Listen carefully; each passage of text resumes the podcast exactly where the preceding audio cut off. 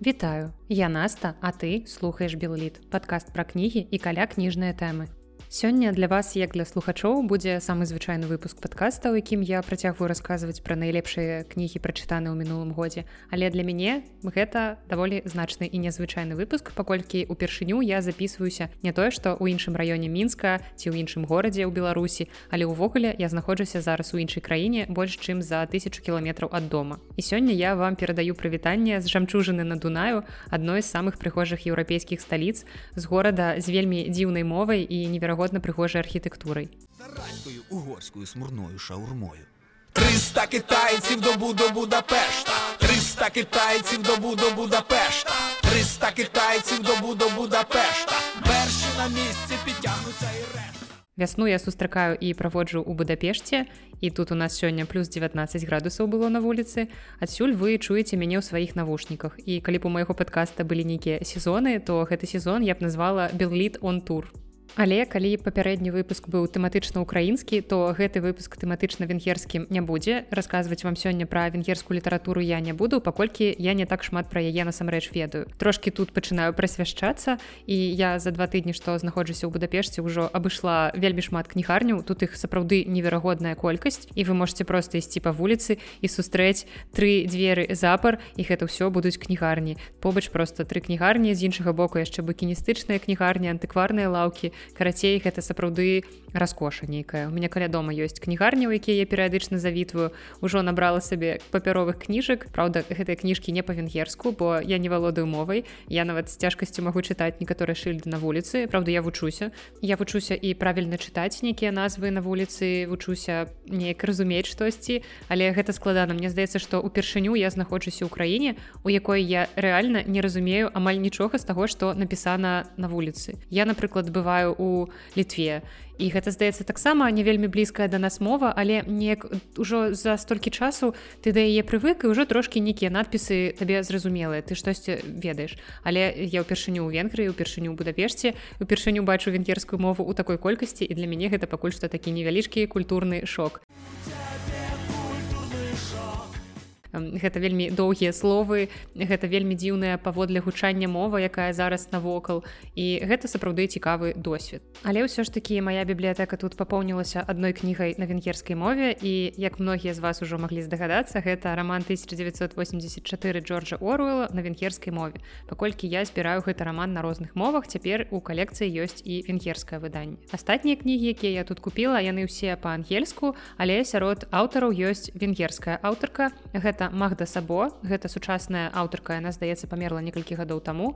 І я купила у перакладзе на ангельскую мову яе раман дзверы і планую яго пачытаць у найбліжэйшы час. Але ўвогуле пакуль што я тут заходзіла толькі ў звычайныя кнігарні абавязкова яшчэ буду заходзіць у кнігарні букіністычныя у антыкварныя кнігарні і мне ўжо трошки страшна ад думкі пра тое колькі ўсяго цікавага я змагу там знайсці колькі ўсяго цікавага мне захочацца купіць. Але я думаю что я вытрымаю і не буду себе стрымліваць нават магчыма і куплю ўсё тое что мне захочацца. Калі нешта сказаць так агулам пра літаратурнае жыццё венгрыі прынамсі будапешта я паводле першых назіранняў магу адзначыць что венгры чытаюць любяць і шануюць сваіх родных аўтараў. Амаль у кожнай кнігарні ёсць стылаж стопам продажаў і сярод аўтараў там вельмі шмат венграў. Яны там на першы першых месцах там першая пяцёрка могуць там 34 венгерскія аўтары знаходзяцца і кнігі выглядаюць у іх вельмі прыгожа яны вельмі прыгожа выдаюць кнігі як сваіх аўтараў так і замежных. Там вельмі шмат прыгожых серый класікі ад розных выдавецтваў гэта і прыемныя навобмацак кнігі з прыгожай паперай з нейкімі прыгожымі цікавымі дызайнерскімі вокладкамі з цікавымі дызайнерскімі рашэннямі для афармлення цэлых серый і зразумела што мне таксама захацелася пашукаць штосьці беларускае але з беларускіх аўтараў на жаль амаль нічога вы у венгерскіх кнігарнях не ўбачыце. Хаця вось літаральна сёння я ўбачыла навіну пра тое што роман дзікае паляванне караля стаха быў перакладзены на венгерскую мову. Праўда вокладка ў гэтай кнігі супер крынжовая яна выглядае сапраўды вельмі непрывабна і я не бачыла тут настолькі страшных выданняў. Я не ведаю чаму менавіта з караткевіча так паздзекаваліся але я планую пашукаць гэту кнігу ў кнігарнях калі яна ўжо з'явілася атрымалася і магчыма прывязу сабе яшчэ такі сувенір караткевіча на венгерскай мове. Гэта будзе нешта незвычайнае. Ну і вядома што амаль у кожнай кнігарні будапешта вы знойдзеце раманы святланы алексеевич я недзе бачыла толькі чарнобыльскую малітву але ў некаторых кнігарнях былі ўвогуле усе творы. Я думаю что зараз у беларускіх кнігарнях вы не знойдзеце Светланы Алексеевичу такой колькасці але перакладаў рускіх аўтараў я ўсё ж таки сустракала больш. Я бачыла на паліцах ужо і пялевіна і глухоўскага набокова уліцкую штосьці з класікі. Таксама у кнігарнях дзе ў іх прадаюцца кнігі на англійскай мове а гэта амаль кожная кнігарня там ёсць пераклады на англійскую мову таких аўтараў як толстой дастаеўскі ну яны як бы заўсёды не губляюць папулярнасці за мяжой. Але шчыра кажучы я нават не ўяўляю ці перакладзены хтосьці з беларускіх аўтараў на венгерскую акрамя нашай нобелевской лурадкі зразумела і цяпер яшчэ владимира караткевича Мачыма нейкія класічныя аўтары? Я не ведаю можа быть ёсць штосьці з класіка ўсё ж такі ну хаця б нейкія асобныя творы можа хтосьці перакладаў вершы коласа ці купалы на венгерскую мову. Трэба пра гэта пачытаць. Я вось прыехала непадрыхтаваная трошку але калі можа быть у вас ёсць нейкія звесткі на гэты конт можете мне напісаць. Або таксама калі вы увогуле жывяце ў венгрыі ці канкрэтна ў будапешце то таксама напішыце. Мне цікава колькі чалавек адсюль мяне слухаюць. Ну і яшчэ дзве кароткія гісторыі. На заканчэнне гэтай кароткай кніжна-падарожнай дыгрэсіі я вам раскажу пра тое што я зараз чытаю і таксама раскажу пра тое дзе я сёння была. Пачнём з таго дзе я сёння была бо гэта месца могілкі. Я была на венгерскіх могілках кірыпешы якія знаходзяцца ў будапешце і гэтыя могілкі называюць венгерскім парлашэс. Я думаю вы чулі пра могілкі парлашэс гэта вядомыя могілкі ў францыі. І вось па прыгажосці іх ну можна нават параўнаць. Гэта сапраўды вельмі прыгожыя могілкі але чаму я рассказываю пра гэта ў літаратурным падкасці? Расказваю таму што на гэтых могілках пахаваны адзіны венгерскі нобелеўскі лаўрэат па літаратуры якога завуць ім рэкертас Сёння на гэтых могілках я знайшла акурат яго магілу. Гэта такая даволі невялічкая, незаўважная магіла, побач ёй стаіць невялікая лапачка, на якой можна пасядзець. Але агулам яна нічым не выдзяляецца ў параўнанні з тымі магіламі, якія вы можете знайсці на гэтых могілках. Просто пагугліце могілкі кірапешы і вы ўбачыце, колькі там усяго прыгожага. Гэта цэлыя склепы, вялізныя, цэлыя маўзалеі, якія прысвечаны іх вядомым асобам, як нейкім творчым асобам, так і нейкім дзяржаўным палітычным дзеячым, асабліва для іх даволі вялікія маўзалеі будаваліся. Так што магіла нобелеўскага лаўрэата па літаратуры побач з імі выглядае даволі такі сціплай. Нобелеўскую прэмію кертас атрымаў у 2002 годзе і зразумела што нобелеўскія прэміі выдаюцца не за канкрэтныя кніжкі але адной з падстаў для атрымання прэміі стаў яго твор які называется страчаны лёс і я называю гэтую кнігу по-беларуску тому что яе можна знайсці ў беларускім перакладзе. Яна ў нас выдавалася. На жаль я нідзе не знайшла дзе б яе можна было купіць таму что выходзіла на вельмі даўно. І неяк у свой час я пропустила гэтую кнігу не набыла яе сабе.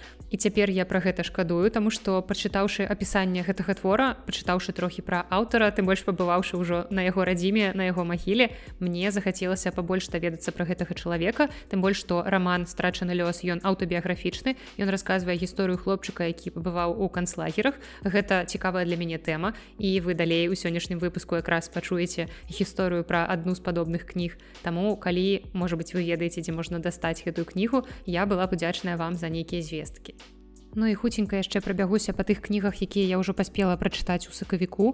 Раз я так доўга зацягваю вам расказваючы пра кнігі найлепшыя мінулага года, я вырашыла хаця б такі невялікі дайджэст рабіць таго, што я ўжо прачытала. Магчыма, вам трошкі загадзя параіць, бо ўсё роўна пра самыя цікавыя кнігі я буду вам расказваць у падкасці далей. У наступных выпусках, калі ўжо скончу нарэшце з вынікамі года.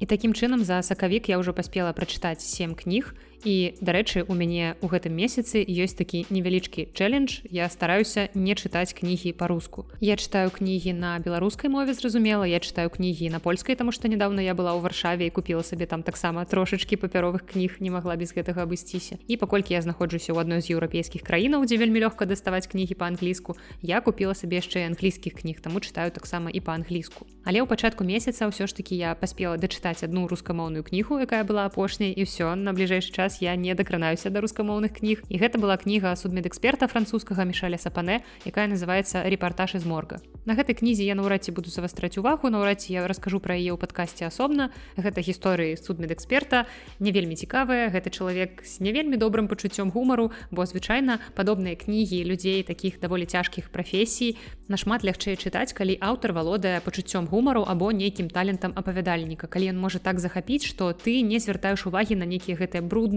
нейкія цяжкія складаныя дробязі.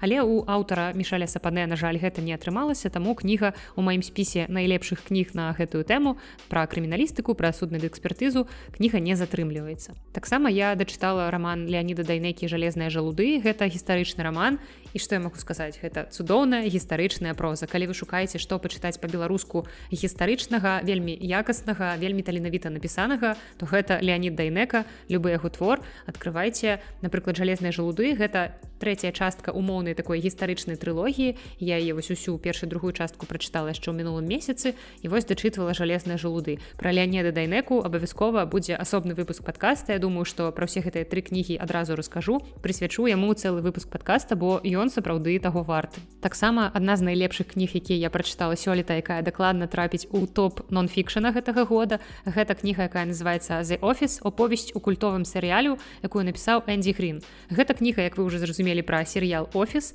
і калі сярод маіх слухачоў ёсць фанаты гэтага серыялу я вас горача абдымаю. Я вам цісну мужна далонькі тому что гэта адзін з маіх любимых серыялаў які я нядаўна скончыла пераглядаць уже невядома ў які раз. Гэта адзін з найлепшых серыялаў увогуле у свеце як мне падаецца. І гэта кніга якую я убачыла у польскай кнігарні калі была ў варшаве некалькі тыдняў таму. Я ўбачыла яе і зразумела што мне гэта трэба. Я ведала што яна выйшла па-англійску. Зараз я ўбачыла што ёсць таксама і рускае выданне але я знайшла ее ў варшаўскай кнігарні побач з домам у якім я жыла і подумала што гэта знак трэба браць. Я купила гэту кнігу і пакуль вось я знаходжуся ў будапешце я яе прачытала поставила ёй 5 5 тому что гэта сапраўды цудоўны фан-сервіс гэта выдатная кніга для тых хто хоча зазірнуць трошки глыбей у гісторыю стварэння серыялу пачуць галасы людзей якія яго стваралі не толькі акцёраў якія былі задзейнічаны ўласна ў здымках а таксама ўсіх іншых людзей якія звычайна неяк не заўважаюцца гледачамі. Мы бачым толькі акцёраў Мачыма рэжысёраў сцэнарыстаў может быть там звяртаем увагу на не веду нікую аператарскую працу Мачыма на касцюмы але яшчэ ёсць процьма людзей якія ствараюць серыял і вось галасы ўсіх гэтых людзей вы можете пачуць у гэтай кнізе. Таму калі вы таксама любіце серыял то кнігу Энди Грина the офіс я вам горача рэкамендую. Яна ёсць па-польску па-руску па-англійску. Ну і пра гэтую кнігу я таксама дакладна запишу асобны выпуск подкаста так што чакайце калі я скончыў падводзіць вынікі года. І наступны твор гэта ўжо беларуская літаратура твор про які таксама будзе асобны выпуск подкаста Мачыма не цалкам выпуск але прынамсі я яго згадаю. Гэта твор кузьмы чорнага які называется лявон бушмар гэта адзін з моихх любимых твораў беларускай літаратуры. Быў калісьці але перачытаўшы я не так моцна ім захапілася. Я не ведаю чаму мне так падабаўся калі я вучылася ва універсітэце мяне ажно э, захапляў гэты персонаж уражваў хаця ляван бушмар не самы прыемны герой беларускай літаратуры. Калі вы чыталі гэты твор то вы разумееце пра што я кажу і чамусьці тады ён мне падабаўся гэта магчыма быў нейкі мой юнацкі максімалізм. Мне падабаўся такі злы трошки грубы персонаж але цяпер я бачу мноства касякоў гэтага персонажа бачу нейкія пэўныя праблемкі якія ён мае. І цяпер мне ўжо цікава гэты твор разбіраць крыху з іншага пункту гледжання. Таму абавязкова пра лявона бушмара я вам раскажу ў адным з выпускаў далей. І яшчэ одна беларуская кніга якую я паспела прачытаць у сакавіку гэта невялічкі зборнік апавяданняў алексея палачанскага. Кніга называется мой цвік і гэта кніга про якую мне абсалютна не хочацца вам расказваць просто таму што я не знайшла ў ёй нічога свежага новага цікавага захапляльнага ці таго пра што мне хацелася б пагаварыць. Нават чагосьці ад чаго мяне бамбіла ў гэтай кнізе няма. Яна просто прайшла абсалютна роўна. Я не зацікавілася ёю я не захацела яе разбіраць. Так што пра гэтую кнігу вы ад мяне не пачуеце але просто ведаеце што такая кніга існуе і я яе прачытала.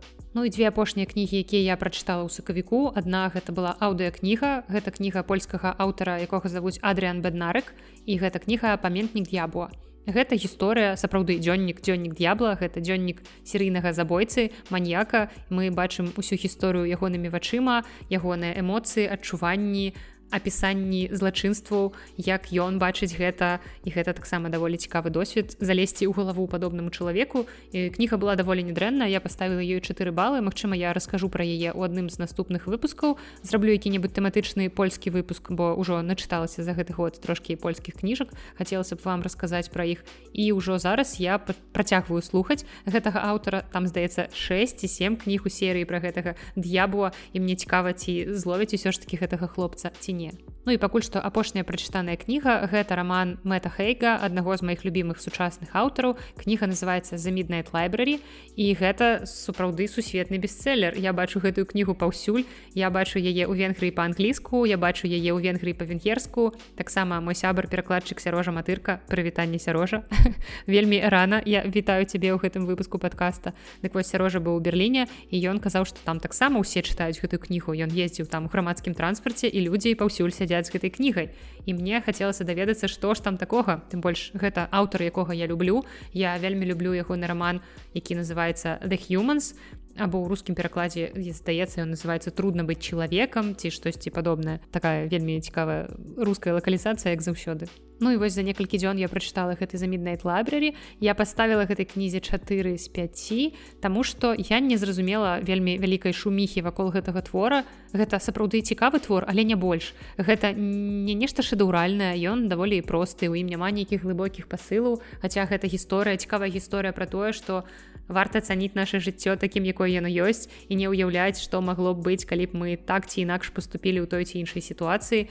І гэта цікава але у аўтара неяк не атрымалася зрабіць гэта супер захапляльным і супер глыбокім Хаця я разумею што творы хейга яны звычайна не пра нейкую глыбіню філасофскасць. Яны якраз пра тыя рэчы якія ляжаць на паверхні якія вельмі простыя але гэта тыя рэчы пра якія трэба пастаянна нагадваць самім сабе каб не забываць. Але кніжка ўсё ж таки атрымалася цікава Я думаю што я разберу яе таксама ў адным з наступных выпускаў бо мне цікава пагаварыць пра творчасць аднаго з маіх любімых аўтараў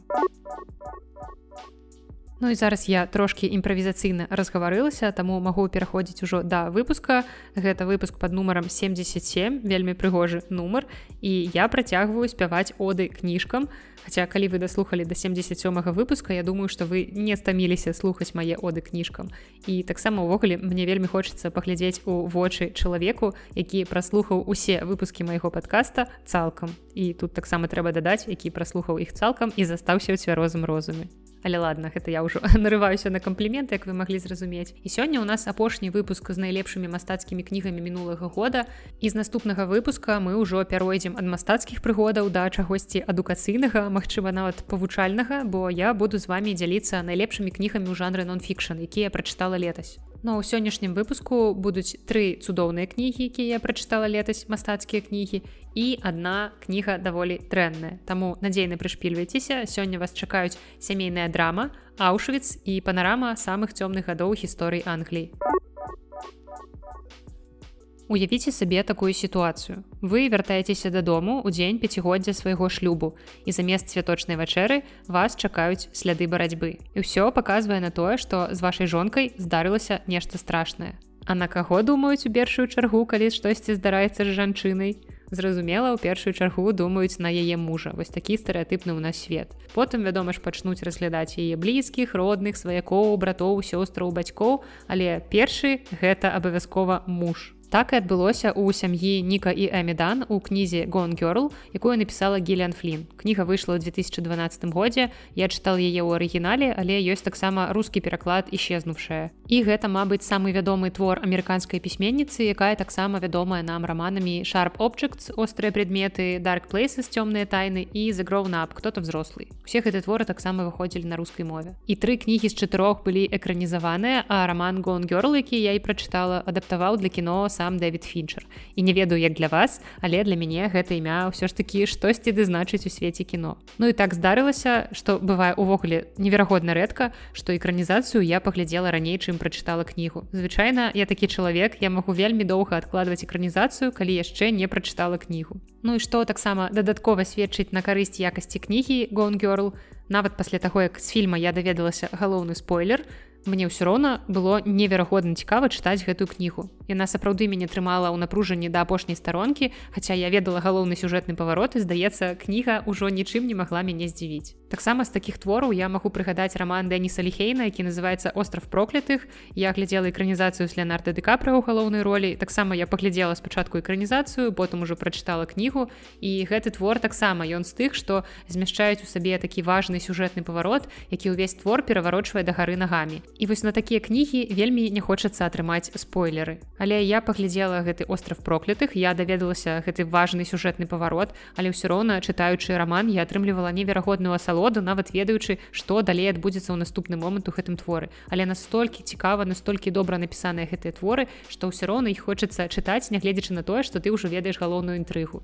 Але пяройдзем зноў да сям'і данаў. У нас ёсць нік і эмі, гэта вельмі прыгожая пара і гэта вельмі яркае каханне ў іх пятая гадавіна шлюбу, пасля чаго ўсё пойдзе не так. А магчыма, у іх увогуле ў сям'і ніколі нічога і не было так. Жонка Эмі Дан знікае ў дзень пятай гадавіны шлюбу і згодна з усімі законамі жанру падазрэння ў выніку падае на мужа, як я ўжо казала. Аповед вядзецца па чарзе то ад імя мужа, то ад імя жонкі і першапачаткова мы бачым версію мужа, ніка, які расказвае пра падзеі пасля выкрадання жонкі а далей нам у руки нібыта трапляе дзённік самой жонкі эмі за апошнія некалькі гадоў гэта якраз перыяд заляцання ў калены толькі пазнаёміліся з нікам і таксама перыяд іх шлюбу. І ведаеце насамрэч гэта даволі страшная кніга про тое як можна столькі гадоў пражыць чалавекам і нават у такіх блізкіх адносінах мець дзіка рознай інтэрпрэтацыі адной і той жа падзеі таксама мець вельмі спецыфічны ўнутраны набор каштоўнасцяў і мэту адносінах і просто дафіга сакрэта ў шкілета ў шафе. бо хіба не ў гэтым сэнс любых адносін? Быць спазнаным кімсьці іншым быць зразуметым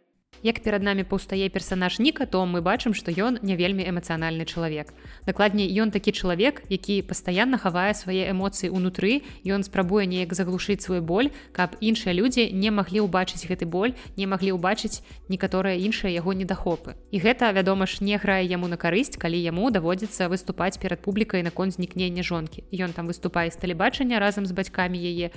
І людзі павінны бачыць вельмі вельмі сумнага, вельмі разгубленага чалавека, які сапраўды сапраўды адчувае гора. Але у ніку яны гэтага не бачаць таму што ўсе свае эмоцыі ён схаваў недзе глыбока ўнутры. Бо я паўтаруся што ў такіх выпадках і ў першую чаргу і так думаюць на мужа а нік яшчэ паводзіць сябе даволі падазрона і ўсе гэта бачаць з экранаў тэлевізару Паводле ступені эмацыянальнага напружання гэты дэтэктыўны трылер мне вельмі нагадвае фільмы хічкока майстра саспенсу і магу сказаць што гелиан флін спраўляецца з нагнятаннем напружання не горш за самога хічкока. Калі чытач ужо ведае нейкі цікавы факт пра персанажаў які самі персанажы яшчэ не ведаюць і чытач напружана чакае калі ж ужо гэтае ружжо якое вісіць на сцяне нарэшце стрэліць. І таксама вельмі цікава назіраць як змяняецца меркаванне тваё наконт герояў на працягу чытання кнігі. Калі ты спачатку суперажываеш аднаму герою ненавідзіш іншага потым яны мяняюцца ролямі але ў выніку увогуле абодва становіцца для цябе не асабліва прывабнымі. І насамрэч я абсалютна не ўяўляю як пра гэтую кнігу штосьці расказваць без спойлераў. Бо чытайце вы твор з перспектывы мужа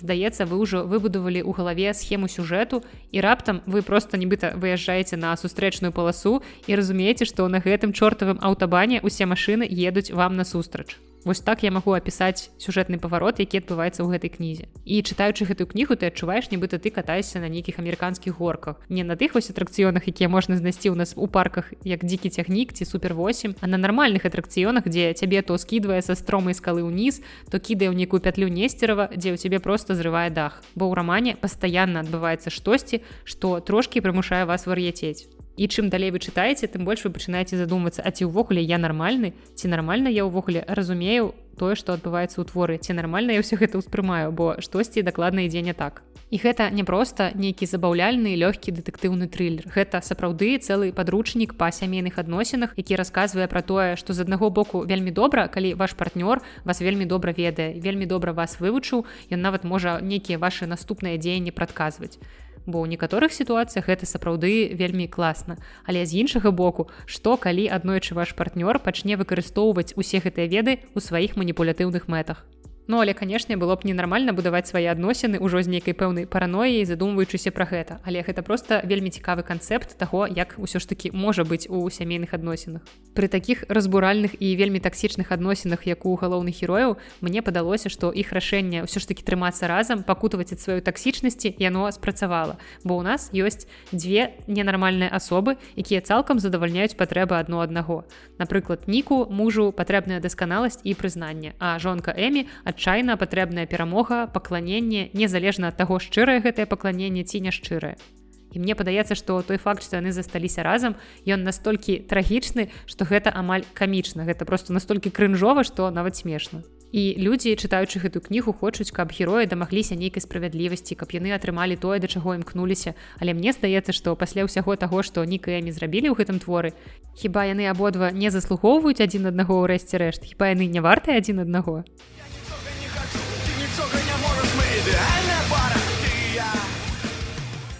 яшчэ раз падкрэслю што гонгёрл гэта не проста нейкі чарговы дэтэктыўны трылер. Гэтая кніга нашмат глыбей чым падаецца і ў ёй вельмі шмат міжрадковых разважанняў пра жыццё ўвогуле ці пра сямейнае жыццё ў прыватнасці. Мне вельмі падабаецца напрыклад як эмі апісвае што мужчыны любяць такую кул cool гёрл якая ў захапленні ад спорту ад секса яна ніколі не злуецца яна сама сцвярджае гэтая гераіня што на самай справе такой кулгёрл просто не існуе. Але ёй падабаецца граць гэтую ролю для мужчын. І таксама вельмі цікавае разважанне ніка што насамрэч ніхто з нас не унікальны бо мы гэта просто набор рыс характару персонажаў якіх мы бачылі ў кнігах ці фільмах якія мы чыталі глядзелі які мы любім. Мы можемм паўтарыць любую ролю бо ўжо бачылі яе па тэлевізары бо ўжо чыталі яе ў кнізе і у нас няма роднасных душ таму што наши ўласныя душы на сто процентаў не з'яўляюцца сапраўднымі. І каму я раю гэтую кнігу чытаць? Вядома ж для пачатку раю ўсім аматарам дэтэктыўных трылераў таксама раю тым людзям якім цікава пачытаць штосьці пра псіхалогію сямейных адносін пачытаць пра нейкія сямейныя драмы ну і таксама раю гэту кнігу аматарам фільмаў хічкока. Вы пазнаеце шмат такога вельмі хічкокаўскага ў гэтым творы. Людзі хочуць верыць што яны ведаюць іншых людзей. Бацькі хочуць верыць што яны ведаюць сваіх дзяцей жонкі хочуць верыць што яны ведаюць сваіх мужоў здаецца што ў гэтым падкасці я вельмі часта паўтараю што не люблю кнігі пра вайну. Але я вельмі часта рассказываю вам пра кнігі пра вайну таму вы маглі б падумаць што я штосьці тут не дагаворваю. Але насамрэч мяне не цікавіць менавіта баявыя дзеянні нейкі гісторыі пра гераізм і да таго падобнае. І ў той жа час я вельмі люблю цікавыя шчырыя гісторыі сапраўдных людзей якія не змагаліся на перадавой. Карацей калі выбіраць паміж знакам бяды быкова і мёртвым не баліць я на баку знака бяды.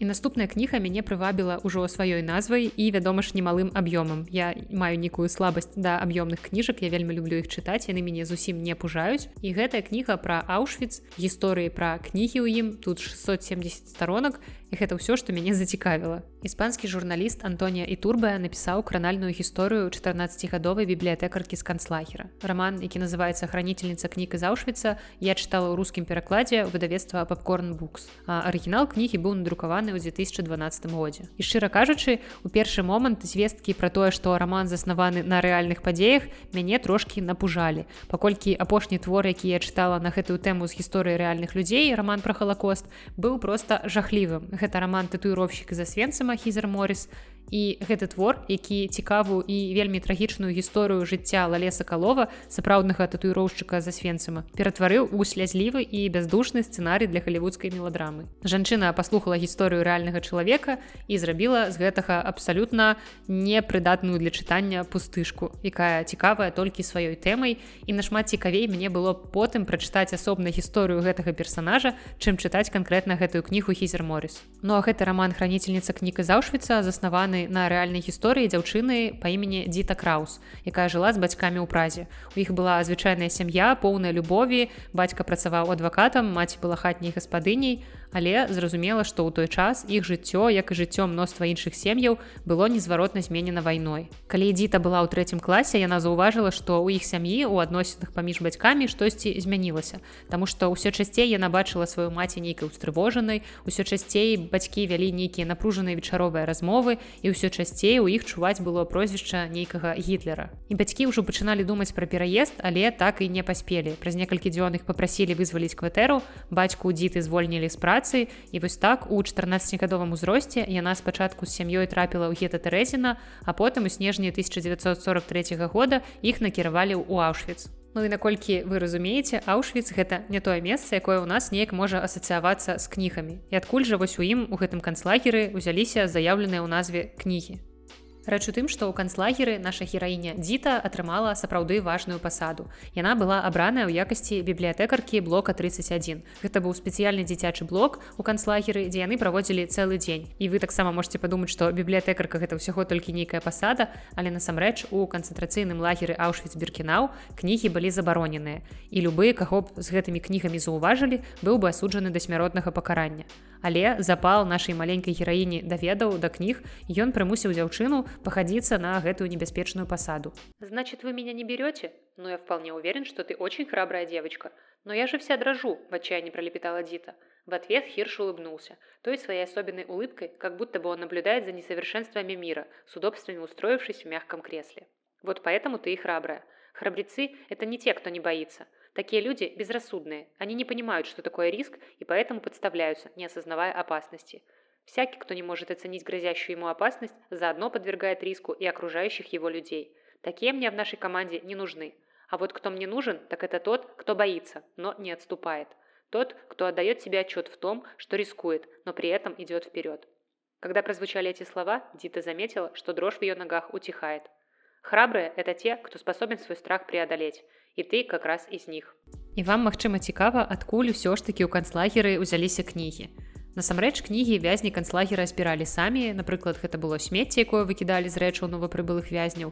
І не ўсе кнігі нават мелі вокладку, не ўсе мелі поўны набор старонак, але галоўнае, што гэтай кнігі ўвогуле там былі і дарослыя вязні мелі магчымасць хоць трошкі падпольна вучыць дзяцей. У таемнай бібліятэцы канцлагера Аўшвіцберкінаў на захаванні ў дзіты было ажно 8 кніг. Іх такая імправізаваная дзіцячая школа ў блоку 31 была створаная для таго, каб стварыць адчуванне нармальнага жыцця. Бо дарослыя ўсё ж такі яшчэ неяк маглі даць рады жыццём у падобных бесчалавечных умовах канцлагерных, але дзецям гэта было выносіць нашмат цяжэй. Хаця з іншага боку я думаю пра тое, што дарослыя ўсё разумелі, яны не маглі нікуды падзецца ад гэтага страшна страшнага разумення і асэнсавання у той час як дзеці маглі сваё знаходжанне ў канцлагеры ператварыць нават у нейкую гульню Когда ты маленький, мечты, как меню в ресторане. Выбирай, что хочешь, и будущее принесет твой заказ на серебряном блюде. А потом детство остается позади, и жизнь подкидывает тебе нечто такое, о чем ты даже никогда и не думал. Официант подходит к твоему столику и объявляет, что кухня закрыта. У сувязі з гэтым мне адразу прыгадваецца аскараносны італьянскі фільм 1997 года, які называется жизнь прекрасна, дзе бацька ў канцлагеры вучыць сына гуляць у хованкі, каб той не трапіўся на вочы наглядчыкам. Я вам вельмі раю паглядзець гэты фільм і ён хоць і на гэтую няпростую тэму, але ён з вельмі жыццесцвярджальным гумаром. Нацисты могут выгнать нас из нашего дома, отобрать наши вещи, нашу одежду и даже лишить нас наших волос. Но что бы они у нас ни забрали, единственное, что им не под силу, это отнять у нас надежду. Она наша, потерять ее мы не можем. Такім чынам дзіта і яе сям'я знаходзіцца ў канцлагеры, дзе кожны дзень забіраюць тысячы нявінных жыццяў. Таксама над дзецьмі праводзяць жудасныя эксперыменты. Я думаю, што вычулі імя доктара Менгеле. Таксама сем'і разрываюць на часткі і людзі вымушаныя жыць, дакладней выжываць, змагаючыся за ложкі і амаль без ежы. І гэта страшна, гэта сапраўды вельмі цяжка чытаць, але ты разумееш, што гэта рэальнасць і яна робіць твор яшчэ больш моцным і пакутлівым. І з гэтай кнігі вы даведаецеся шмат новага пра паўсядзённае жыццё ў канцэнтрацыйным лагеры і гэта раман пра мужнасць пра тое як не даць сябе перамагчы пра тое што храбрыя людзі таксама адчуваюць страх. І гэта нармальна таксама гэты твор пра тое што заўсёды ёсць заўтрашні дзень і мы павінны трымацца за яго да апошняга і не дазваляць сабе зламацца перад цяжкасцямі і гэта раман у сувязі з гэтым чытаецца вельмі цудоўна у сукупнасці з кнігай Віктора франкла сказаць жизни да псіхолог канцлагере які якраз пісаў пра тое што нашмат лягчэй у канцлагеры трымацца тым хто бачыць мэту хто бачыць нейкі сэнс свайго жыцця у якога ёсць штосьці там у далечыні што дапамагае яму перажыць сённяшні дзень перажыць наступны дзень і так перажываць кожны дзень у думках пра нейкую мэту. Таксама мне падаецца гэта добры твор для падлеткаў які можна даць менавіта дзецям ну гадоў з 14 і 15 каб яны таксама пазнаёміліся з гэтай тэмай толькі папярэджваю што ў творы прысутнічае лгбт тэматыка таму самі выбірайце ці можете выдаць сваім дзецям такое чытаць. Я напрыклад не бачу у гэтым нічога асаблівага нічога страшнага ў гэтай кнізе няма. Акрамя вядома ж уласна знаходжанне ў канцлагеры. Такім чынам храніцельніца кніг з аўшвіца адна з найлепшых кніг якія я прачытала ў мінулым годзе. Горача рэкамендую ўсім хто цікавіцца тэмай халакосту таксама для ўсіх аматараў кніг пра кнігі кніг пра людзей апантаных літаратуры апантаных ведамі. Гэта сапраўды варты прыклад такой літаратуры На всем протяжении всемирной истории у всех диктаторов, всех тиранов и угнетателей, будь они арийцами, африканцами, азиатами, арабами или славянами, какого бы цвета ни была у них кожа, выступали ли они за народные революции или защищали привилегии высшего класса, действовали ли они именем Бога или подчиняясь воинской дисциплине, вне какой бы то ни было зависимости от принятой идеологии, у всех у них общим было одно – упорное преследование книг. Книги чрезвычайно опасны. Они заставляют думать. Нешта так атрымалася, што сёння кнігі паступова нас заводзіць усё глыбей у мінулае. Калі першы раман быў пра наш час, другая кніга была пра другую сусветную вайну, то зараз мы пераносімся ў самыя цёмныя гады ў гісторыі Англіі, дзякуючы брытанскаму пісьменніку Кену Фолету і яго раманаў за Pillars of Эрс. Я чытала гэту кнігу ў арыгінале і ёсць таксама рускі пераклад сталпы землі. І гэты аўтар летась для мяне стаў прыемным адкрыццём, бо вельмі даўно я пазірала на яго кнігі з цікавасцю, мяне адначасова і ўражвалі і пужалі гэтыя аб'ёмы, але тут я вырашыла сабе зрабіць сапраўдны выклік прачытаць амаль тысячу старонак гэтай гістарычнай сагі у арыгінале па-англійску. І аказалася што ўсё не так складана але неверагодна цікава. Праўда ведаеце калі б мне да чытання гэтага рамана хтосьці сказаў што ты будзеш у захапленні а тысяча старонкавай таміны пра тое як амаль 900 гадоў таму у англіі будавалі сабор Я б у гэтага чалавека просто спытала ці не біўся ён нядаўна галавой ці можа ў дзяцінстве ён падаў кудысьці ўніз паколькі саборы рэлігія гістарычная проза пра такое далёкае мінулае гэта ўвогуле не моя тэма Я магу пра гэта пачытаць але гэта не тое на што я звярну увагу ў першую чаргу калі буду выбіраць сабе наступную кнігу для чытання. Але літаратура ўсё ж таки такая штука што ў ёй выхад зоны свайго камфорту можа вельмі парадаваць і падарыць мноства прыемных адкрыццяў і вось менавіта так у мяне атрымалася з творам кенафоліта і коротенька акрэсліць сюжэт гэтага рамана амаль у тысячу старонак вельмі складана тому что ў кнізе вельмі шмат сюжэтных ліній шмат персонажаў але пры гэтым тут няма нічога лішняга. Ўсё тут на сваім месцы і ты чытаеш гэтую тысячу старонак літаральна на адным дыханні. У мяне не было ніводнага моманту калі мне магло б падумацца пра тое што а вось тут бы аўтар мог канешне нешта скараціць вось тут ён мог бы нейкія апісанні ці нейкіх персонажаў прыбраць не у мяне ўвогуле на працягу чытання гэтай кнігі ні разу не ўзнікла такой думкі тут усё на сваім месцы Таму размову пра гэтую кнігу я пачну запісання гістарычнай эпохі падчас якой адбываюцца падзеі кнігі. Гэта Англія, гэта 12 стагоддзя і там ідзе барацьба за трон пасля смерці караля генрыха першага. У 1135 годзе на трон абралі Стэфана Блуаскага, англійскім каралём зрабілі яго, і гэтае абранне было аспрэчана прыхільнікамі імператрыцы Мацільды, якая таксама вядомая як мод. Гэта дачка Генрыха перша. І ў той час арыстакратыя краіны падзялілася на два такія варагуючыя лагеры і каля двух дзесяцігоддзяў вяла міжусобную вайну, якая скончылася ў 1153 годзе, калі кароль Стэфан прызнаў сваім спадчынам сына Мацільды Генрыха Плантагенета, які ў наступным годзе ўсё ж такі ўступіў на англійскі пасад сад і такім чынам ён заснаваў вядомую дунастыю плантагенетаў.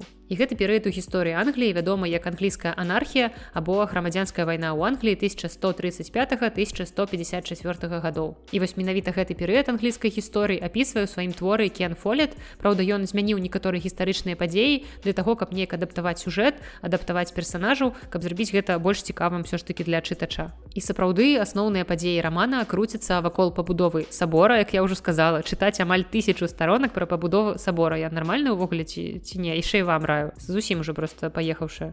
Трошки сонца ў галоўку напякло. Але насамрэч гэта вельмі цікавы твор дзе мясцовыя жыхары просто спрабуюць пабудаваць сабор для паляпшэння жыцця свайго гораду. Аднак рэч у тым што карумпаваная мясцовая шляхта і сама царкоўная іерархія не дазваляюць ім дасягнуць сваёй мэты. Ну амаль што не дазваляюць. У нас ёсць галоўныя персонажы прыёр філіп і джек будаўнік якія вымушаныя звярнуцца па дапамогу у будаўніцтве сабора да свайго манарха. Але ідзе вось гэтая грамадзянская вайна таму гэты манарх увесь час змяняецца. Яны ніяк не могуць падзяліць уладу а як заўсёды зразумела у падобных сітуацыях пакутаюць простыя людзі. І у прыёра філіпа і джека будаўніка ёсць выбор з двух каралеўскіх судоў да якіх яны могуць вярнуцца. І абодва гэтыя суды перакананыя што маюць законныя правы на пасад Англіі. І зразумела, што для Філіпа і для Джека выбар не таго боку прывядзе да канчатковага спусташэння народа, які хоча проста нармальна мірна жыць у горадзе з прыгожым саборам. Кен Фолет сапраўды вельмі добра ўмее прапрацоўваць персанажу. У яго няма адназначна станоўчых ці адназначна адмоўных персанажаў. Ну гэта ўсё як мне здаецца ў рэальным жыцці. Бо ў адзін момант цябе радуе персанаж, а ўжо праз нейкі час ён можа зрабіць нейкі такі ўчынак, які можа цябе расчараваць. І нават сярод святароў якія здаецца павінны быць прыкладам для простага чалавека якія павінны быць добрымі мілымі прыемнымі людзьмі сярод іх шмат як сапраўды светлых і прыемных але ў той жа час хапае і нейкіх злых людзей з холодным сэрцам з вельмі цёмнымі намерамі якія выкарыстоўваюць рэлігію ў нейкіх сваіх пэўных не самых добрых мэтах. Аўтар закранае ў творы сапраўды неверагоднае мноства тэм але з усіх тэм якія закранаюцца там мяне найбольш зацікавілі дзве. І першая гэта ўласна гісторыя пабудовы сабора дакладней гісторыя будаўніка гэтага сабора для якога такі свяшчэнны будынак становіцца галоўнай мэтай у жыцці гэта гісторыя джека будаўніка гісторыя чалавечай упартасці чалавечай стойкасці гэта гісторыя чалавека якому нейкім чынам удалося выжыць у той сістэме якая была цалкам супраць яго. Я не буду спойлерыць у гэтага чалавека быў сапраўды вельмі цяжкі лёс на ягоным шляху паўставала проста неверагодная колькасць перашкодаў і заўсёды ён з гонарам выходзіў з усіх сітуацый. І яшчэ адна цікавая тэма ў гэтым творы гэта інтрыгі ў стане царквы. Мне вельмі падабаецца, як аўтар супрацьпастаўляе набожнага прыёра Філіпа і біскупа Валерана і метафарычна можна сказаць, што два гэтыя чалавекі увасабляюць два шляхі, якімі можа пайсці царква ў прынцыпе ў любы час у любой краіне. Напрыклад, прыёр Філіп гэта ўсё, чым у ідэале мусіла быць царква. Ён добры, ён даравальны, ён добразычлівы, ён справядлівы. Ён сапраўдны прыхільнік вучэння Хрыста і гэта той чалавек, да якога простыя людзі могуць заўсёды, не баючыся звярнуцца па дапамогу. І ў царкве ён знаходзіцца па той самай адной простай прычыне, што ён чалавек веры і ёсць таксама у нас біскуп фалеран які наадварот тыранічны дэспат ён уяўляе сабой усё тое чым царква увогуле не мусіць быць. Ён увасабляе сабой патэнцыяльнае зло ён пыхлівы прагны ён славалюбны і ён злоўжывае сваёй уладай дзеля дасягнення уласных мэтаў і дзеля свайго узвялічання можна нават сказаць што ён карумпаваны. І ў гэтым ён не з'яўляецца сапраўдным прыхільнікам сваёй уласнай веры. І супрацьпастаўляючы гэтых двух персонажаў фолет нам паказвае што царква у адзін і той же час здольная чыніць як вялікае добро так і вялікае зло Таму што царква складаецца з людзей А людзі гэта ўсяго толькі людзі. Яны могуць быць мярзотнымі, яны могуць быць добрымі, яны могуць быць прыемнымі, таксама яны могуць быць э, карумпаванымі, як той жа вось біскуп.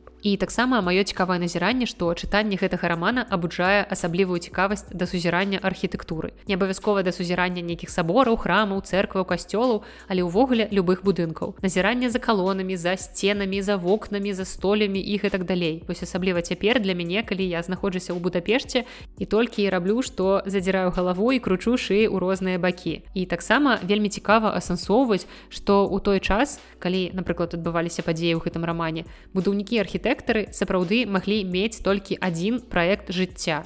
Бо будоўля не завяршалася за паўгода ці за год, як мы цяпер прывыклі. Яна магла доўжыцца некалькі дзесяцігоддзяў і гэтыя будоўлі часам патрабавалі ахвяр і пастаяннай працы на працягу ўсяго жыцця ў залежнасці зразумела ад сродкаў тых, хто фінансаваў гэтыя будоўлі. Гэта не так, як за ха хадзіць напрыклад можа кучу праектаў нейкіх прыдумаць паводле яе праектаў будуюць бясконцыя будынкі і немагчыма нават хутка падлічыць колькасць усіх будынкаў якія яна спраектавала. І вось ужо колькі гадоў як яна памерла але ўсё яшчэ паводле яе праектаў адбываюцца нейкія будоўлі. Зразумела што ў 12 стагоддзі такога нічога не было Так што як вы бачыце у гэтым творы вельмі шмат цікавых і даволі актуальных тэм. Я магу раіць гэтую кнігу усім хто любіць гісторыю англіі ці хто просто любіць чытаць гістарычную прозу таксама хто цікавіцца творамі пра суадносіны царквы і ўлады таксама шмат у творы пра гэта не толькі пра суадносіны ўласна унутры самой царквы але і пра суадносіны царквы і дзяржаўнага апарату. І гэта нават твор не пра суадносіны царквы ўлады а пра іх барацьбу не проста суіснавання менавіта пра барацьбу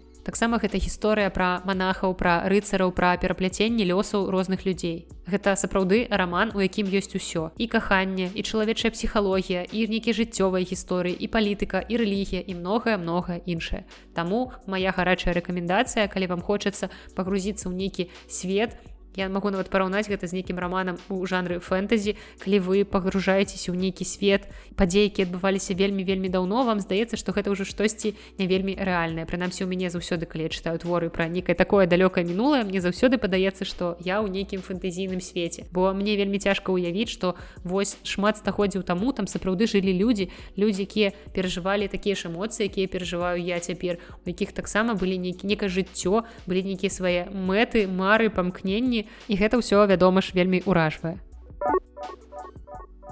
Ну і цяпер у канцы мы з вами пераходзім да гараченькага або рубрыка у якой наста абураецца ў стылі навошта я гэта прачытала. Як вы зразумелі мы скончылі з найлепшымі мастацкімі кнігамі якія я прачытала летась. Я рассказала вам пра ўсё про ўсё што хацела і наперадзе вас чакае апошняя дрэнная кніга мінулых ахвота Гэта не першы мой роман у гэтай аўтаркі англійскай пісьменніцы з вельмі незвычайным іменем Атэса Мошвех. Калісьці даўно я чытала яе дэбютны роман Эйлін і гэта было просто ніяк Мне вось тады трэба было адразу зразумець, што аўтарка гэта не моя, але яе наступны раман мой год отдыха і релакса, які я прачытала па-руску, мяне зацікавіў сваёй тэмай. Гэта быў мой якраз перыяд такога даследавання своеасаблівага тэмы дэпрэсіі, прычым не толькі ў жанры нон-фікшн, але ў мастацкай літаратуры. І я прачытала, мабыць, найгоршую кнігу на гэтую тэму. Кніга мой год отдыха і релакса, нягледзячы на такую прыгожую назву, гэта максімальна дрэнны выбар, калі вы хочаце пачытаць нешта пра дэпрэсію, каб зразумець, магчыма, што вы не адзін у сваіх адчуваннях, каб зразумець, што хтосьці яшчэ перажывае штосьці падобнае. Але насамрэч я магу сказаць, што гэтая кніга ў чымсьці добрая, гэта добры даведнік па тым, як не трэба ні ў якім выпадку ні пры якіх абставінах рабіць. Калі вы маеце пэўныя падобныя праблемы, калі вы змагаецеся з дэпрэсіяй. І што я ўбачыла, чытаючы анатацыю да рускамоўнага выдання кнігі. Мой год отдыха и релакса – это обломов нового поколения с антидепрессантами, психоаналитиками и токсичными отношениями. Ну хутчэй сапраўды прывабна. І анатацыя таксама сцвярджае, што гэта гісторыя прыгожай забяспечанай дзяўчыны, якая скончыла універсітэт і проста максімальна стамілася ад жыцця. Хаця незразумела, як бы што такога ў яе жыцці адбылося. І нібыта яна дае сабе год на нейкае самаруйнаванне. Дакладней выбачаюся, у анатацыі няма ні слова пра самаруйнаванне, Там ствярджается наступное. Ей срочно нужен как минимум год отдыха. У нее есть доступ ко всем существующим таблеткам, прописанным странноватым доктором, и деньгам, полученным по наследству от покойных родителей. Ей нужно вылечить голову и сердце и решить, куда идти дальше. И на все это у меня есть одно цудоўное английское слово. Bullshit. High quality bullshit. World class designer bullshit. І на вокладцы гэтай кнігі таксама можна знайсці цытату ад амерыканскай актрысы і пісьменніцы Ліны Данам, якая нібыта сцвярджае: это ахрененно смешно.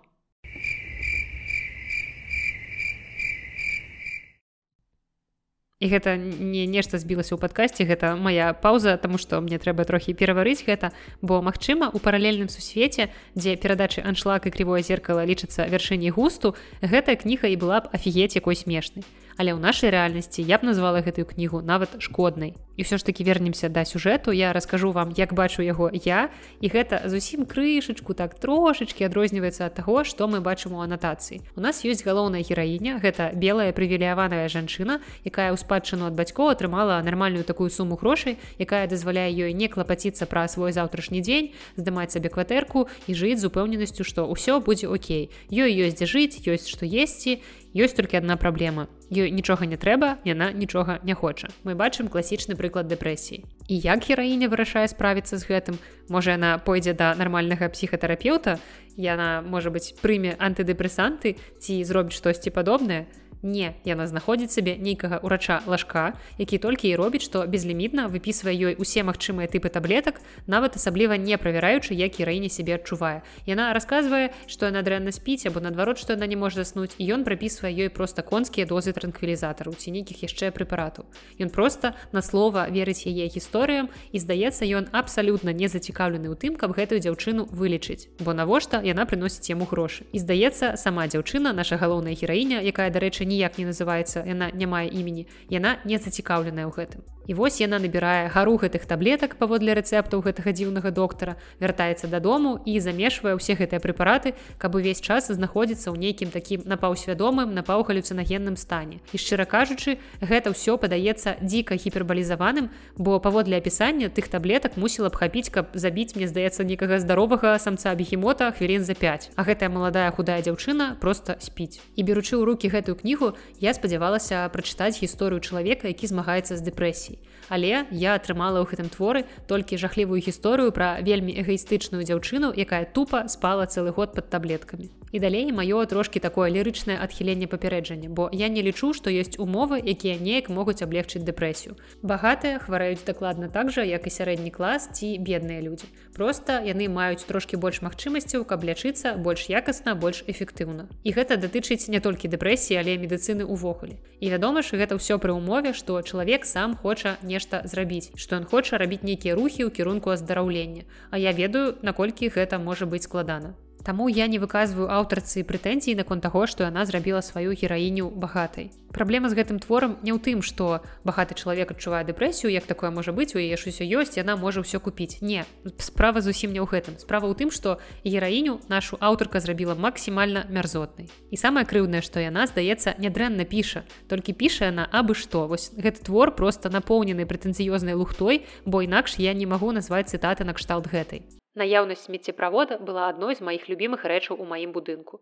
Гэта прымушала мяне адчуваць сябе важнай, як быццам я ўдзельнічала ў жыцці свету. Маё смецце змешвалася са смеццем іншых людзей. Рэчы, да якіх я дакраналася, дакраналіся да рэчаў іншых людзей. Я рабіла свой унёсак. Мы былі звязаныя просто что гэта за фігня? Нейкія псеўдафіласофскія разважанні ў стылі рамана ў каэлі Праўда у каэлі хаця б усё ўзнёслае а не праваць нейкі смеццеправод як сімвал яднання гераіні з плепсам і сумна што першыя некалькі старонак гэтай кнігі мне падаваліся шматабяцальнымі але мой аптымізм вельмі хутка пачаў згасаць калі я зразумела наколькі спрошчана напісаны гэты роман і гэта не нейкая лёгкасці даступнасць якая дазваляе вельмі хутка перабірацца па старонках кнігі. Не гэта хутчэй спроба стварэння нейкай фа фальшывай глыбіні у гэтай кнізе увогуле ніводзін з персонажаў не выклікае сімпаты я разумею што для твора гэта не абавязкова каб вам хтосьці падабаўся. Але тут усе персонажы або пустыя такія што немагчыма ім суперажываць або мярзотныя што ну таксама неяк ускладняе суперажыванне гэтаму персонажу і самае сумнае што вы скончыце чытаць гэтую кнігу так і не даведаўшыся нічога ні пра дэпрэсію ні пра трывогу ні пра нейкія панічныя атакі ці суіцыдальныя думкі. Але я думаю што аўтарка увогуле і не мела на мэце раскрыццё гэтых тэм. Гэта про проста кніга пра мярзотную маладую жыхарку нью-йорка якая вырашыла што ў яе вельмі шмат часу для яе прывілеяванага жыцця і вырашыла яго частку патраціць на гадавую спячку. Яна палічыла што сон вырашыць яе праблемы і яна апісвае кожны прыём прэпарата і яго вынікі вынікі дзеяння гэтага прэпарата. Таксама яна распавядае пра свае сустрэчы з неверагодна непрыемным бойфрэндам і вядзе хроніку сваіх візітаў да жахліва некампетэнтнага псіхіятра нам апісваюцца цэлыя дыялогі іх размовы і яны нібыта напісаныя ў такім гумарыстычным стылі мы павінны смяяцца калі мы чытаем гэта. Але гэта чыталася неверагодна крынжова. Ну і таксама гераіне просто агідна паводзіць сябе ў дачыненні да нібыта найлепшай сяброўкі. І таксама тут ёсць вельмі недарэчны фінал звязаны з 11 верасня якое было туды ўстаўлена нібыта вось просто трэба напісаць пра значную тэму нібыта прыкруціла павестачку Такім чынам у аўтаркі атрымаўся своеасаблівы дзённік лекаў, якія прымала гераіня з анекдатычнымі спасылкамі на сімптомы, на пабочныя рэакцыі, у поўнай супярэчнасці з рэальнасцю і з поўнай пагардай да пачуццяў тых, хто сапраўды пакутае псіхічных захворванняў. Я вам не раю гэтую кнігу, калі вы хочаце прачытаць па дэпрэсію і тым больш не раю, калі вы самі маеце падобныя праблемы і хочаце ў гэтай кнізе знайсці нейкі падобны досвед. Не, вы там яго дакладна не знойдзеце.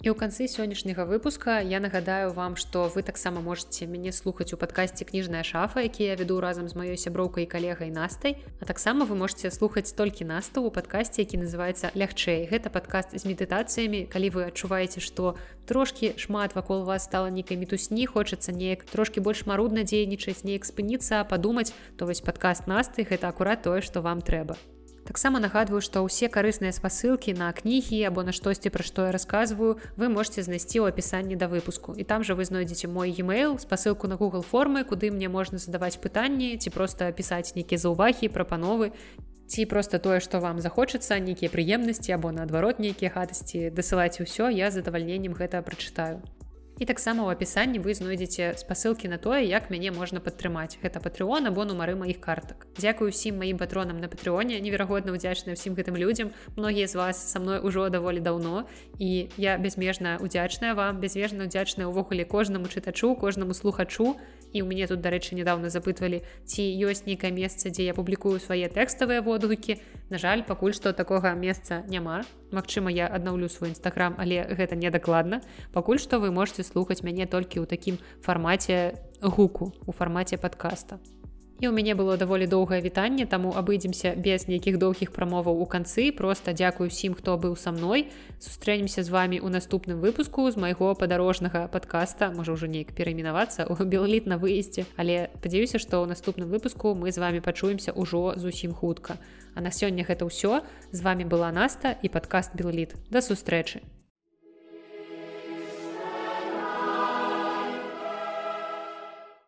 Гэта быў ім венгрыі калі што. Гэта пасхалачка для тых хто даслухаў падкаста самага канца. Прывітанне вам